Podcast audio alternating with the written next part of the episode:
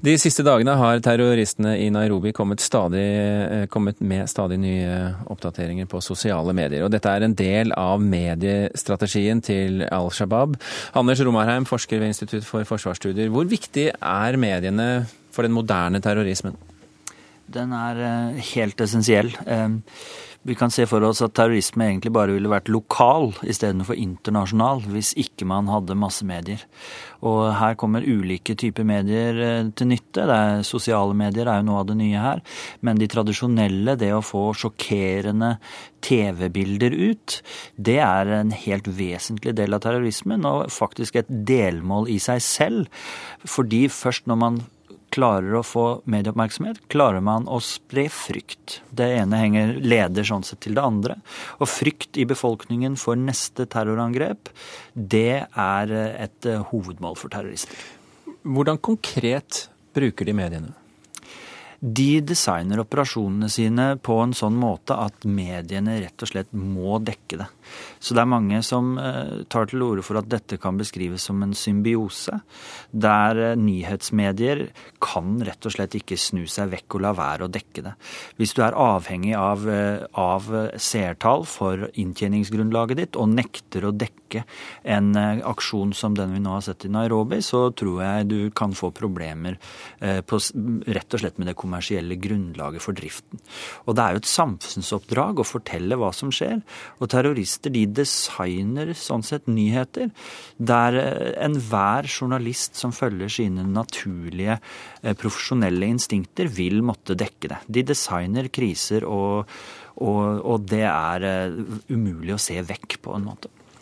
Bente Kalsnes, stipendiat ved Institutt for medier og kommunikasjon ved Universitetet i Oslo. Du, du har sett en del på hvordan sosiale medier blir brukt eh, politisk. Hvilken påvirkningskraft har de? Ja, Hvis jeg klarer å få til eh, stor oppmerksomhet og, og stor spredning, så, så, kan de ha, eh, ha veldig stor eh, gjennomslagskraft. Eh, og det kommer selvfølgelig an på, på, budskapet, men vi ser også at sosiale medier har blitt veldig tett innvevd med med resten av tradisjonelle medier. Så, så, for mange så har dette her blitt en utrolig viktig måte å nå ut, og også å nå forbi portvaktene, eller gatekeeper, som tradisjonelle medier ofte blir, blir kalt. At de kan nå mer direkte ut, og de kan også nå ut i, i realtid eh, mens det skjer. Men, men hvordan eh, eh altså Romerheim snakker her om at de designer det spesifikt for å nå ut i mediene. Hvordan eh, gjør de det for å nå frem politisk? Er det bare å få omtale, og så er alt eh, fint for dem? Altså her, eh, I det tilfellet som vi har sett her, så går de ut etter eh, sivile, og de bruker Twitter for å informere om hva som har skjedd og hvorfor de gjør dette her. Og, og da er det også for å kunne få enda mer slagkraft bak sine krav, og ja, som Romerhaug sier, og det å skulle skape enda mer frykt i mm. samfunnet. Eh, hvor, hvorfor bruker de sosiale medier spesifikt på denne, på denne måten? Um, her er de ute etter å få oppmerksomhet. Det, det, er veldig viktig å få global oppmerksomhet. Eh, og de gjør det via nettsider, de gjør det via Twitter, via Facebook. Men en ting som har skjedd i, i det siste, det er også det at det, teknologiselskap, eh, altså Twitter og YouTube, har også lagt inn eh, muligheter for å sperre ulike typer innhold, stoppe ulike typer innhold. Og innhold som da oppfordrer til terrorisme, kan bli stoppa. Og det vi har sett i det tilfellet her med Al-Shabaab, det er at deres Twitter-kontoer har blitt stoppa eller sperra flere ganger, og så har de oppretta nye kontoer. Så, så, det internasjonale samfunnet, eller teknologiselskapet, har reagert på en måte, mm. og så finner de nye omveier for å komme ut med sitt budskap igjen. Hvor effektiv er den bremsen fra Twitter? Jeg tror ikke den er så veldig effektiv i det tilfellet her. Altså, det er lett å kunne opprette nye profiler og nye nettsider og slikt. Um, så jeg tror det er bare midlertidig at en klarer å stoppe det. Romarheim, hva, hva syns du om um, måten mediene eh, takler, altså de sosiale mediene takler eh, terrorismen på? De sosiale mediene tror jeg er helt i en embryofase. Eh, det er jo ikke mange år siden Twitter ikke var et, et, eh, sosialt medium. Nå er det en kraftfull aktør, eh, og ikke bare for terrorister, men alle former for politisk aktivisme. Noen av de tidlige casene var jo rundt opptøyene i Iran, og som jeg på en måte husker at det her var Twitter på en måte en del av slagmarken. Så det, det, det er helt klart en, interessant trend. En ting som jeg også syns er spennende her, er at man må tenke på at omtale for terrorister Hva er negativ omtale for terrorister? For de kan få positiv omtale i mediene eh, i at eh, man fokuserer på problemet de, de står overfor. Altså, nå ser vi igjen hvordan det går når det blir så grufulle forhold i de palestinske områdene. Altså, det er en form for veldig positiv omtale. Men, Når du eh, sier positiv omtale, så mener du det de liker å høre? Ja. Mm. Og altså, i tillegg så vil det å, å skulle vise hvor grusomme terrorister er, av og til rett og slett være kontraproduktive.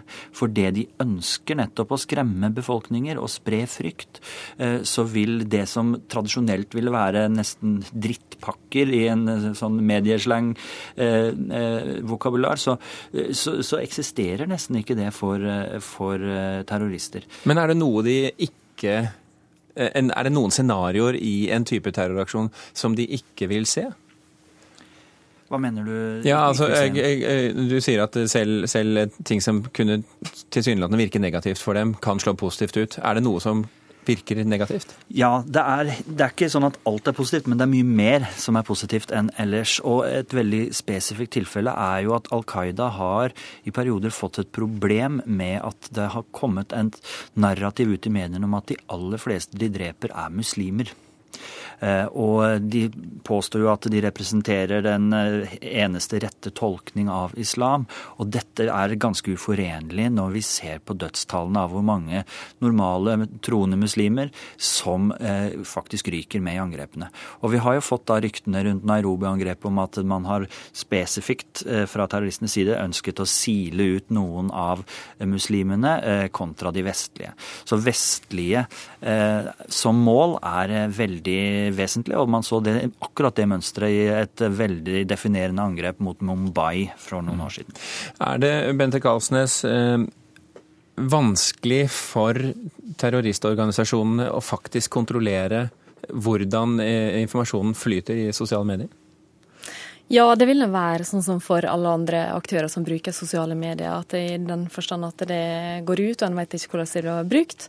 Men eh, kanskje enda, eh, noen utfordringer også for, for media. Det å skulle kvalitets... Altså det å skulle sjekke hva som er reell informasjon, hva som er, hva som er rykte, eh, hva som er ren løgn, som sprer seg i sånne her eh, hendelser som, som, har skjedd, som vi har sett i Nairobi. at det eh, at ryktene blir spredt veldig fort via sosiale medier, og, og også at terroristene kan være med på å påvirke den rykteflommen. Er det, er det et, et usikkert våpen, tross alt?